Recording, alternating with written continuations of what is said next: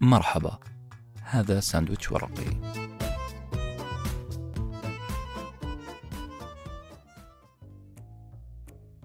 السلام عليكم ورحمة الله وبركاته. أهلا وسهلا أصدقائنا. معلش تأخرنا خمس دقائق كالعادة.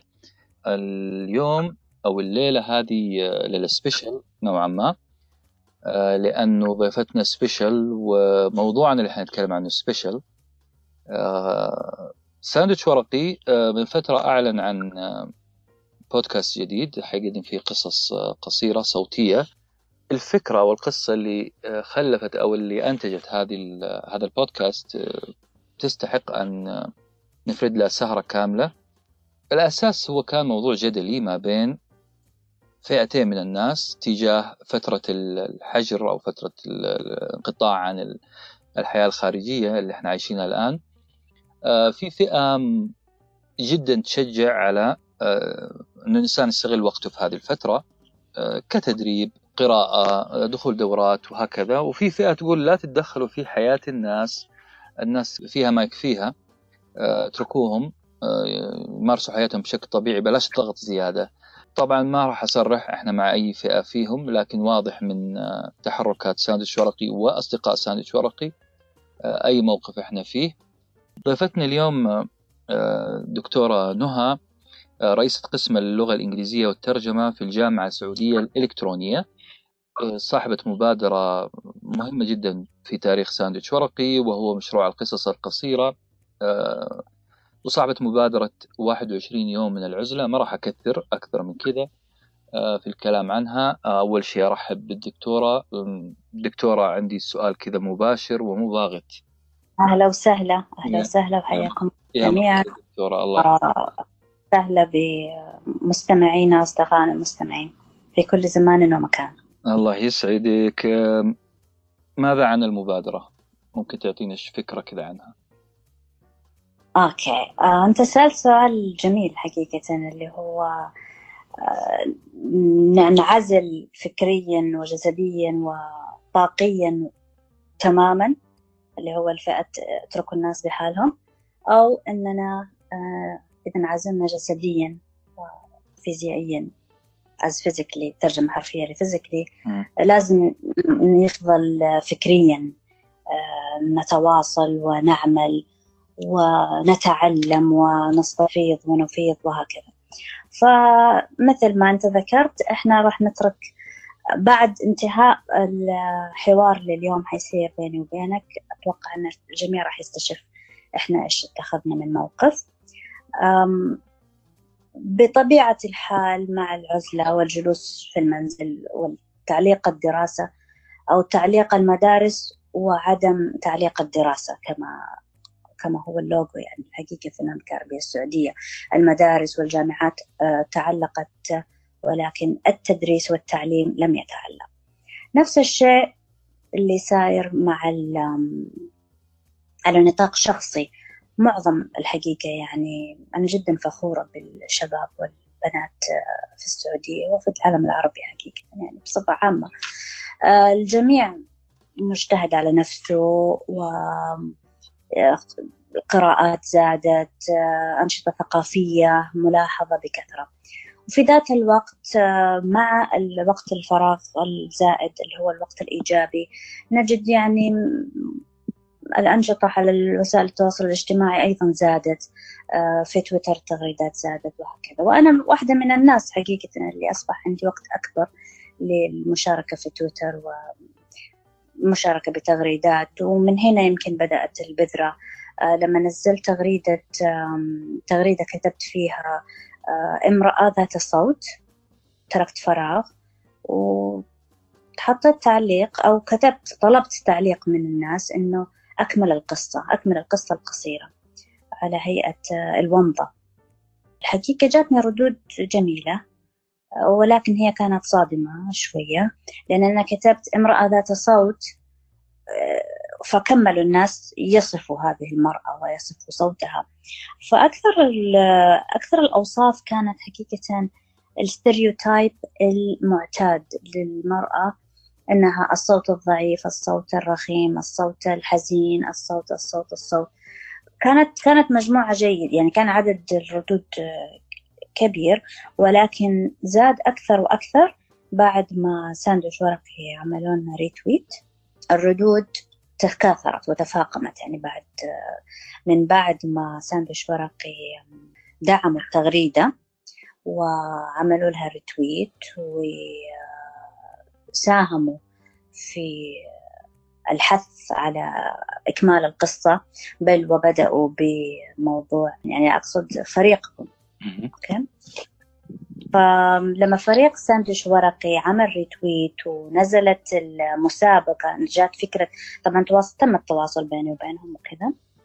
وجات فكرة آه، إنشاء مسابقة كمسابقة. وحث الناس على كتابة آه، قصة أطول من مجرد الومضة آه معلش دكتورة إيش رأيك على الكتابة؟ أعتقد وراه وجهة نظر أعتقد كذا من من التواصل اللي صار بيننا. آه فيه فعلا فعلا. في الكتابة أنت شايف؟ اي تفضل. اي طبعا الكتابة بحد ذاتها الكتابة بحد ذاتها. هي تعتبر علاج. مه. نعم. الكتابة علاج بحد ذاتها. فهو فهي مناسبة جدا في هذه الفترة. متى؟ في تاريخ كم كانت؟ آه 21 يوم من العزلة؟ 7 مارس. 7 مارس. وهذا التاريخ آه له ذكرى عندي. لأنه أنا من 5 مارس ما خرجت من البيت. صار لي أكثر من شهر ونص ما طلعت من البيت. أنا ماني عارفة يعني الظاهر إني ححضن الشارع إذا طلعت إن شاء الله. بس كانت التغريدة بالضبط اللي فيها هي امرأة ذات صوت 7 مارش. وبعد كذا انطلاق المسابقة التعاون مع ساندويتش ورقي بدأت من 9 March. فكان كانت التغريدة إنه اكتبوا قصص قصيرة وراح تصير مسابقة و و. أعطينا مهلة أسبوع. يعني هذه gap للناس اللي مثلا ما ما عندهم فكرة عن القصة أو عن المسابقة. فكان عندنا أعطيناهم مهلة أسبوع. وحددنا معايير إيش هي القصة لأنه كان في جدل ما بين القصة الومضة اللي هو ال flash fiction والقصة القصيرة جدا والفرق بينهم. لأن بعض التصنيفات تعتبرهم واحد. القصة القصيرة جدا okay وال flash fiction اللي هي القصة الومضة إحنا أم... إحنا اعتبرناها قصة قصيرة ولا ومضة طلبات القصص؟ إحنا عملنا genre لوحدنا. فبس على السريع يعني أذكر بعض التعريفات لل flash fiction أو اللي هي القصة الومضة في أشمل وأجمل وصف آه، قرأته آه، مكتوب لعمران أحمد. عرف القصة الومضة بأنها آه، قصة الحذف الفني والاقتصاد الدلالي الموجز وإزالة العوائق اللغوية والحشو الوصفي. والحال هذه أن يكون داخل القصة شديد الامتلاء يعني داخل القصة محتوى القصة نفسه شديد الامتلاء. وكل ما فيها حدثا وحوارا وشخصيات وخيالا من النوع عالي التركيز بحيث يتولد منها نص صغير حجما لكن كبير فعلا. كالرصاصة وكلمة الحق.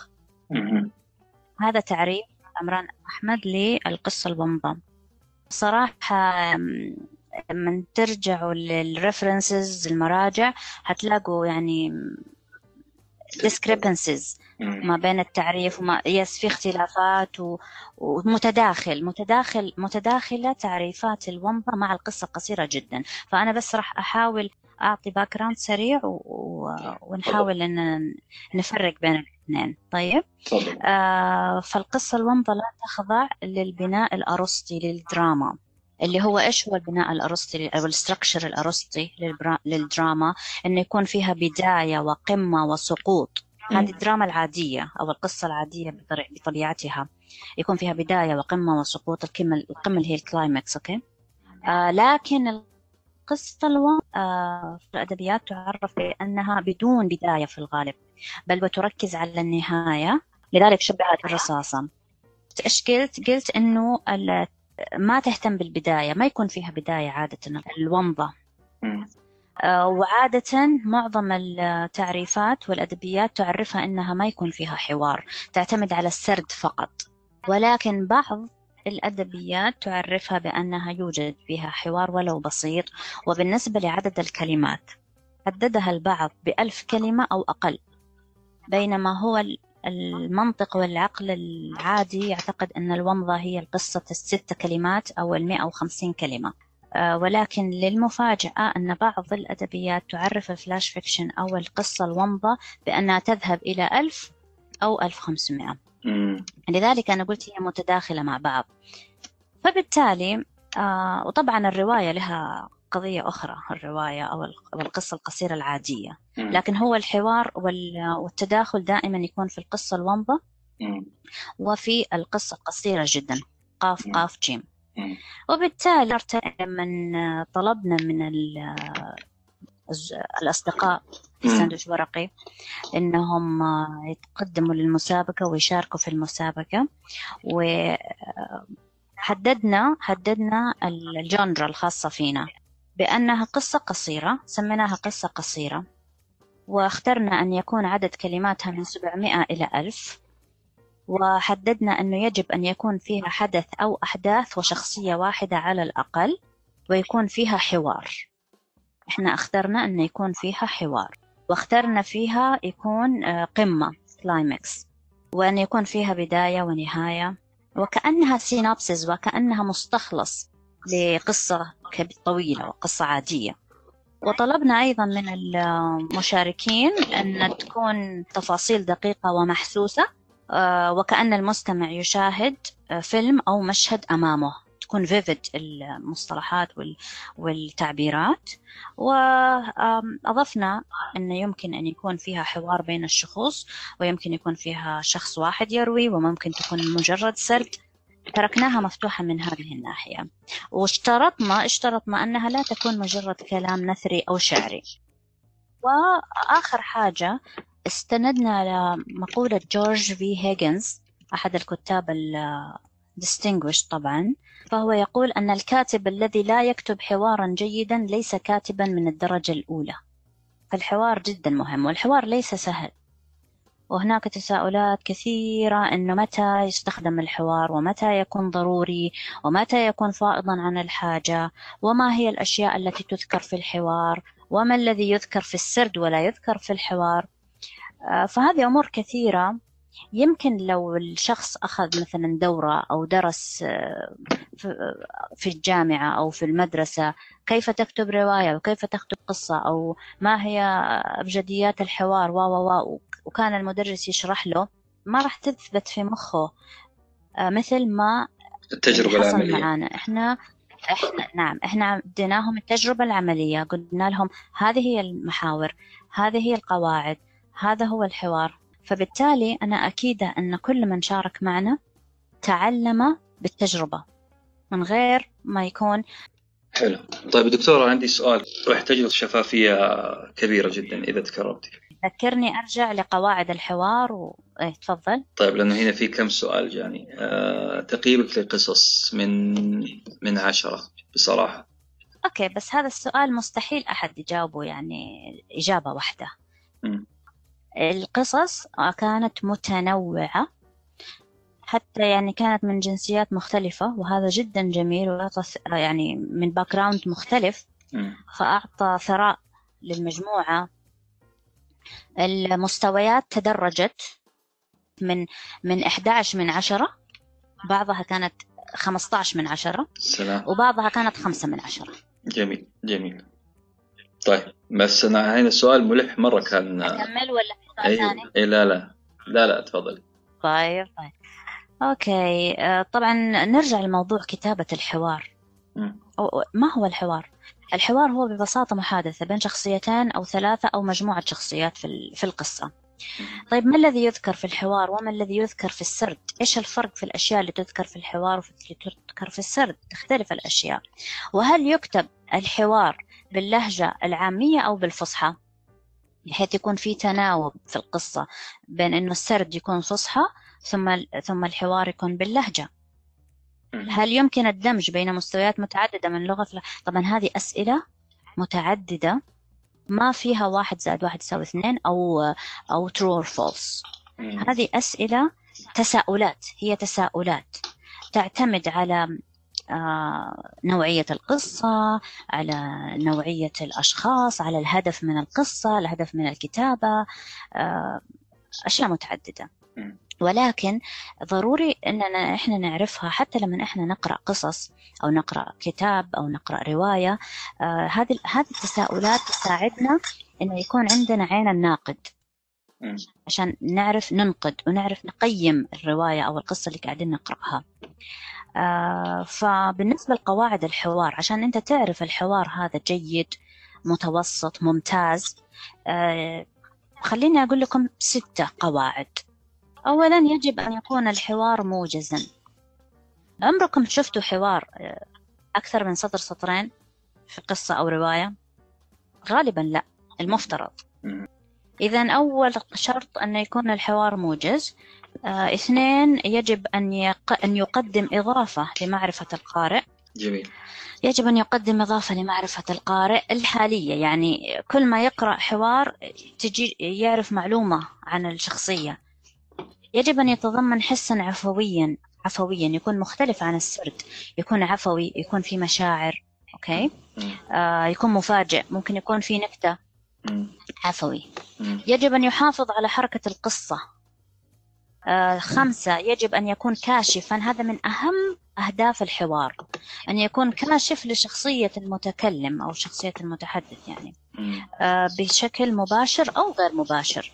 ممكن ينم عن شخصية غير سوية نفسيا ممكن ينم عن شخصية شريرة آه، ممكن يش يعني يشف عن شخصية غيورة.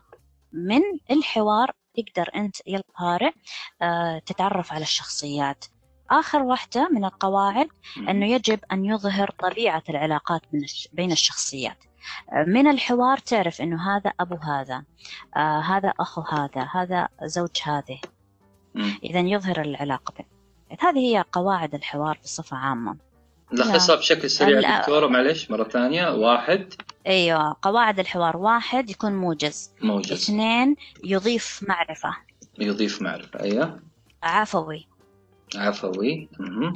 أربعة آه، يحافظ على حركة القصة. أه. خمسة يكشف الشخصيات. حلو. ستة يظهر طبيعة العلاقات بين الشخصيات. عفوي أنا أنا استفزتني كلمة عفوي معلش آه ممكن آه إذا سمحتي لي أسأل آه إنه إيش تعريف عفوي؟ ضرورة عفوي ما هي هي حبكة وصناعة حوار آه هل هل ممكن نجمع المتضادين هذول عفوي وحوار مصنوع؟ نقدر نقول هذا هذا يشكل فرق بين ما يذكر في السرد وما يذكر في في الحوار. م. هذا من أقوى الفروقات أن الحوار يكون عفوي. بينما السرد آه، يكاد يكون مخطط وكأنه لأنه هو بلوت تعرف تعرف مصطلح البلوت بلوت الخطة خطة خطة الحل أي. إيه تكون منظمة. لكن الحوار آه، ممكن يكون عفوي. آه، الحوار ممكن يدخل فجأة في عنصر مفاجأة. هذا هذا برضو تعريف من عناصر العفو العفوية. إذا تسمحي لي دكتورة هذا واحد من العيوب اللي في بعض الروايات اللي نقراها آه، تحاول إنها تجمع المعرفة أو المعلومات المعرفية تجمعها بالقصة. عادة زي مثلا مثلا أنا ما بعيب على رواية عالم صوفي هي ممتاز جدا ومحبوكة لكن الحوار واضح إنه مصنوع عشان يعطي معلومة معلومه علم أكثر من فلسفة. آه، فهناك ما حسيتها بنفس قوة آه، إيش اسمه النمساوي هذاك حق لعبة الشطرنج؟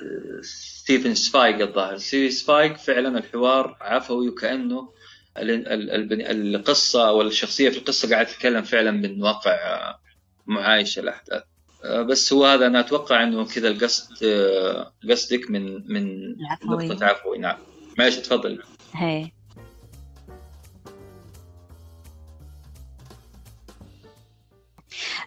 طبعا بالنسبة لأهداف المبادرة آه، مهم جدا يعني نذكرها. آه، أول هدف كان عندنا تحفيز الشباب الفئة العمرية الأقل. آه، تحفيز الشباب على الاستفادة من وقتهم بشيء مفيد. لأن ذكرت أنا هذا الشيء في البداية أني أنا مع أنصار آه، الانشغال وعدم ترك وقت الفراغ. فإذا كانت كان من منطلق تحفيز الشباب على الاستفادة من وقتهم في شيء مفيد. في ظل العزلة والجلوس في البيت كنوع من محاربة الملل والفراغ. اثنين تعزيز لمبدأ خليك في البيت للمصلحة العامة. آه، كجزء من واجبنا آه، للمجتمع ومساهمة منا بجانب أبطال الصحة وأبطال الأمن وأبطال التعليم الإلكتروني. فإحنا نكون آه، نخدم نقدم خدمة اجتماعية. بهذا الشيء. مثلنا مثل كل من شمر عن ساعده ليساهم بأي شيء مهما كان صغره. فلعل يعني إن نحسب نيتنا الخدمة بشيء إيجابي. آه في هدف من أهداف المبادرة يكاد يكون من كمان من أكبر الأهداف هو اكتشاف المواهب الإبداعية. سواء بالكتابة أو الإلقاء. طبعا أنا حترك موضوع الإلقاء تتكلم فيه حضرتك بعد بس ما أنتهي لأنه كان من تخصصك آه استقطاب الأصوات الرهيبة صراحة. آه وعندنا رابع هدف من أهداف المبادرة اللي هو بث روح التواصل ومبدأ صوتك مسموع إنه you are not alone. إنه we are all a community we are sharing the same interests أوكي. وخمسة آه انطلاقا من مبدأ العلاج بالكتابة والحفاظ على الصحة النفسية في فترة العزلة لأنه بصراحة بدينا نمل ونطفش وإذا ما كنا كوميونيكيت ونتواصل مع بعض وكذا مو جيد على الصحة النفسية أبدا. وتعزيزا للمهارات الناعمة. طبعا أنتم عارفين المهارات أنواع المهارات بالذات في القرن الواحد وعشرين كثير تكلموا عن المهارات الناعمة آه، والفرق بينها وبين المهارات القاسية أو المهارات الأساسية يسموها. آه، المهارات الناعمة تشمل البادي لانجوج كل تدور محورها المهارات الناعمة في اللغات والتواصل اللغوي أو الغير لغوي والقدرة على الإقناع والقدرة على التكيف هذه كلها في المهارات الناعمة. فالكتابة بحد ذاتها هي آه، مهارة من المهارات الناعمة. لما أنت تكون كتابتك مؤثرة لما تكون كتابتك جيدة أنت كذا قاعد تنمي مهاراتك الناعمة. أذكر أحد البروفيسورات اللي كان يدرسنا بوقت الابتعاث كان يقول أنت إذا تبي تطلب شيء يعني تكتب خطاب uh, requesting something أي أي شيء أي شيء تبي تقنع أستاذك بأنك كنت بأنك تحتاج تعيد اختبارك بأنك كنت غايب لسبب ما whatever. إذا كتبته صح with the perfect words. هذه كانت كلماته. with the perfect words. راح ت... أبدا أبدا ما راح أحد يرفض لك طلب. فمن هناك أنا بديت أؤمن بقوة الكلمة. الكلمات لها قوة أقوى من الرصاص. إذا أتقنت مهارة الكلام سواء كتابة تكتب آه، تلقي آه، تتفاعل مع الآخرين حتى بالبودي لانجوج بالإشارة ممكن. أنت كذا حققت المهارات الناعمة وراح تنجح نجاح باهر في حياتك. والكتابة هي انعكاس للصوت هذه رجعنا للتغريدة الأساسية آه، قصة امرأة ذات صوت. الصوت مو مجرد ذبذبات فيزيائية تسمع الصوت ممكن يكون كلمة ممكن يكون رسالة مكتوبة. إذا الصوت هو رسالتك للآخر للمجتمع. بالتالي الصوت والكتابة هما وجهان لعملة واحدة. إذا أتقنا استخدامها راح ننجح في كثير من الأمور. وآخر هدف من أهداف المبادرة هو التوثيق للأجيال القادمة. على هذا العمل اللي إحنا عملناه يتوثق. وبما أنه راح إن شاء الله يتسجل كقصص صوتية فهو راح يظل. ولن أي شيء يتوثق ويتسجل ما ما يروح يظل التاريخ. فراح يتوثق للأجيال القادمة إنه إحنا في زمن ما في زمن الكورونا زي ما كان في قصة حب في زمن الكوليرا وزي ما كان في قصص عن الأيام المئة عام من العزلة ولا مدري كم يوما في العزلة و و أيام السبانيش فلو وأيام النكبات الأوبئة المضت فإحنا الآن هذا دورنا إننا نعيش هذه المرحلة نتخطاها ونوثقها للذكرى. وبعدين نقولها لأحفادنا آه ذكرى تنع... تنقال ولا تنعاد؟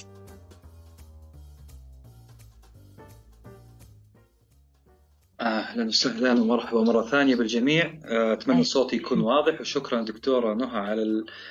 أي على الوصلة الأدبية الجميلة وشكرا على كلامك عن ساندويتش ورقي. بالعكس إحنا نتشرف فيك ونتشرف بالكتاب كلهم والمعلقين. أنا سألتك عن تقييمك لبعض القصص آه، وقلتي 15 و5 فعلا هي تتراوح ما بين هذه وهذه. آه، لكن وصلتنا قصص عجيبة بصراحة آه، وأنا ما بقولها بلساني بقول ما قيل لي بعد سماع الحلقة الأولى اللي تسجلت بعنوان أثر الفراشة. الناس كانوا يقولوا لي فيلم فعلا. آه، وفيلم سألتهم الأسئلة ال follow up question الأسئلة الإلحاقية ليه؟ فيلم أمريكي؟ قالوا ببساطة لأنه ما إحنا قادرين نوقف القصة. أبى أعرف بالضبط البطل هذا إيش صار فيها وليش فلان آدمي كان آه، ما بحرق الفيلم زي اللي سووه في النتفلكس وكذا. لكن فعلا كان في حبكة حلوة. الكتابات طلعت العزلة رغم مساوئها كلها ما حد يقدر يمدح مشكلة أو أو أو مرض أو أي شيء.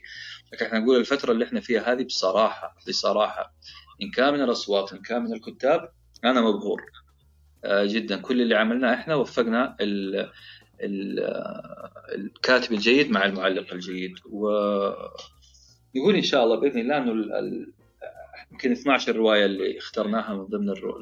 أو القصص اللي اخترناها من ضمن القصص. انها تنال إعجابكم و... وتكون قلت free time تسمعوها من غير إحساس بالذنب إنه أنا قاعد أسمع. آه، قصة ما لها آه، ملامح لا. آه، بحول الله إنه تمت مراجعتها أكثر مرة لغويا وفنيا وهكذا. آه نشكرك مرة ثانية دكتورة نهى وبتكلم بس بشكل سريع عن الإلقاء. آه يمكن ما حاخذ خمس دقائق لأنه اليوم يومك وأنا الناس شبعوا من القصص اللي حصلت. آه فجهزي لي بس إجابة. الله يعطيك العافية. إيش اللي خلاك تحب الترجمة؟ بما أنك أنت متخصصة دكتورة في الترجمة. هذا السؤال أنا يهمني كمان أعرفه. إيش خلى إيش اللي يخلي الإنسان يروح لمجال الترجمة؟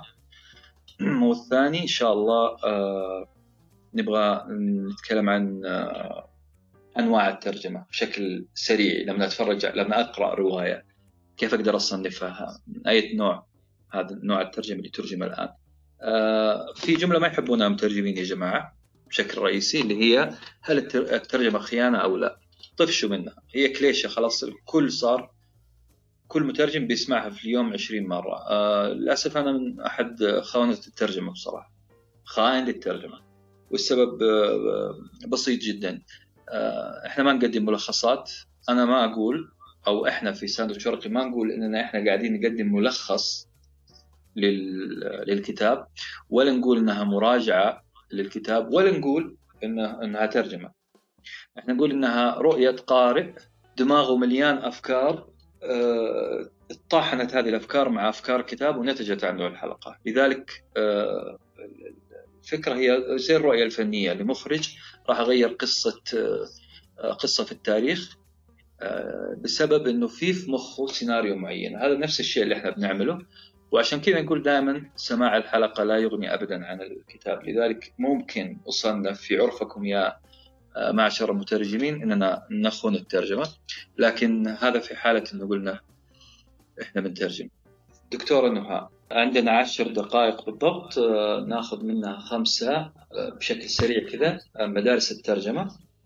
وبعد كذا نشوف إذا في أسئلة أو نوجه الجماعة. طيب. أنواع أنواع الترجمة في اللي هي الاستراتيجيات العامة للترجمة. الاستراتيجيات العامة للترجمة أنك أنت ممكن تترجم ما نبغى نقول حرفي والترجمة حرفية أو ترجمة حرة okay؟ لا. حنقول إنه في ترجمة اسمها ال foreignization إنك تقرب النص للنص الأصلي بحيث إنه لما يقرأ القارئ العربي يشعر إنه في آه، أفكار foreign okay؟ أفكار أجنبية. فهذه هذه الاستراتيجية اسمها foreignization آه، تغريب. ترجمتها الحرفية تغريب م. انك تغرب النص فالقارئ يقرأ يشعر إنه في في أفكار في مصطلحات ثقافية في قصص ثقافية في في عادات ثقافية مختلفة م. okay هذا ال foreignization النوع الآخر من الاستراتيجيات العامة أنك تعمل domestication ال domestication هي إنك زي ال localization تخليه local تجيبه محلي. فتغير مثلا مثلا أبسط مثال إنه لو كانت القصة تحكي إنه آه، في عيد الكريسماس التقت العائلة. تجي أنت في القصة العربية المترجمة تكتب في عيد الفطر. okay؟ فهذا هذا تقريب لل آه، هذا domestication تقريب للقارئ. ال target هذه الأنواع الأساسية. وبعد كذا في طبعا techniques داخلية صغيرة إجراءات داخل النص. modulation transposition bla bla bla bla bla فهذه يعني في ال class إن شاء الله. نتكلم فيها في ال class.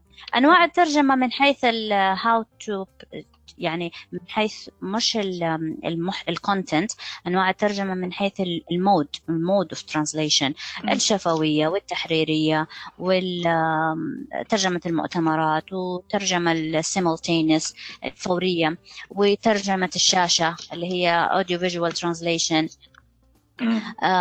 يعني هذه أنواعها من حيث هذا. بالنسبة بس عشان ابى أختم بحاجتين فقط بالنسبة نرجع للمبادرة. القصص الخمس القصص الخمسة الأولى اللي آه، اللي تأهلت آه، للتسجيل. آه، بس أبغى أقول أسماءها أسماء القصص وأسماء الكتاب. من غير ترتيب يعني هي الخمسة كلها بس ترتيب عشوائي. وفي غيرها طبعا في صح؟ أيوة. باقي. نعم. باقي مرحلة ثانية. راح يعني إحنا كل مرة آه، خمسة. نبدأ بخمسة. تنقيح ومراجعة وتعديل وتسجيل. فعندنا قصة آه، فم مملوء بالهواء آه، الكاتب أحمد الغزي. وقصة شل صوتي ولكن للكاتبة بنين المروحن. وقصة ذات اللونين للكاتب فيصل. وقصة أثر الفراشة للكاتبة ليال صلاح الصوص وقصة مجرد كابوس للكاتبة فاطمة. هذول الخمسة آه خلاص إن شاء الله قريبا جدا راح آه راح ننتهي من تسجيلها. أشكر الجميع وعموما آه نشكرك مرة ثانية دكتورة نهى وإن شاء الله يكون لنا آه لقاء آخر بحول الله. بإذن الله. شكرا لكم جميعا. أتمنى أن نكون خفيفين ظل عليكم وأنكم انبسطتوا. يعطيكم العافية إن شاء الله. طيب. وتصبحون على خير جميعا.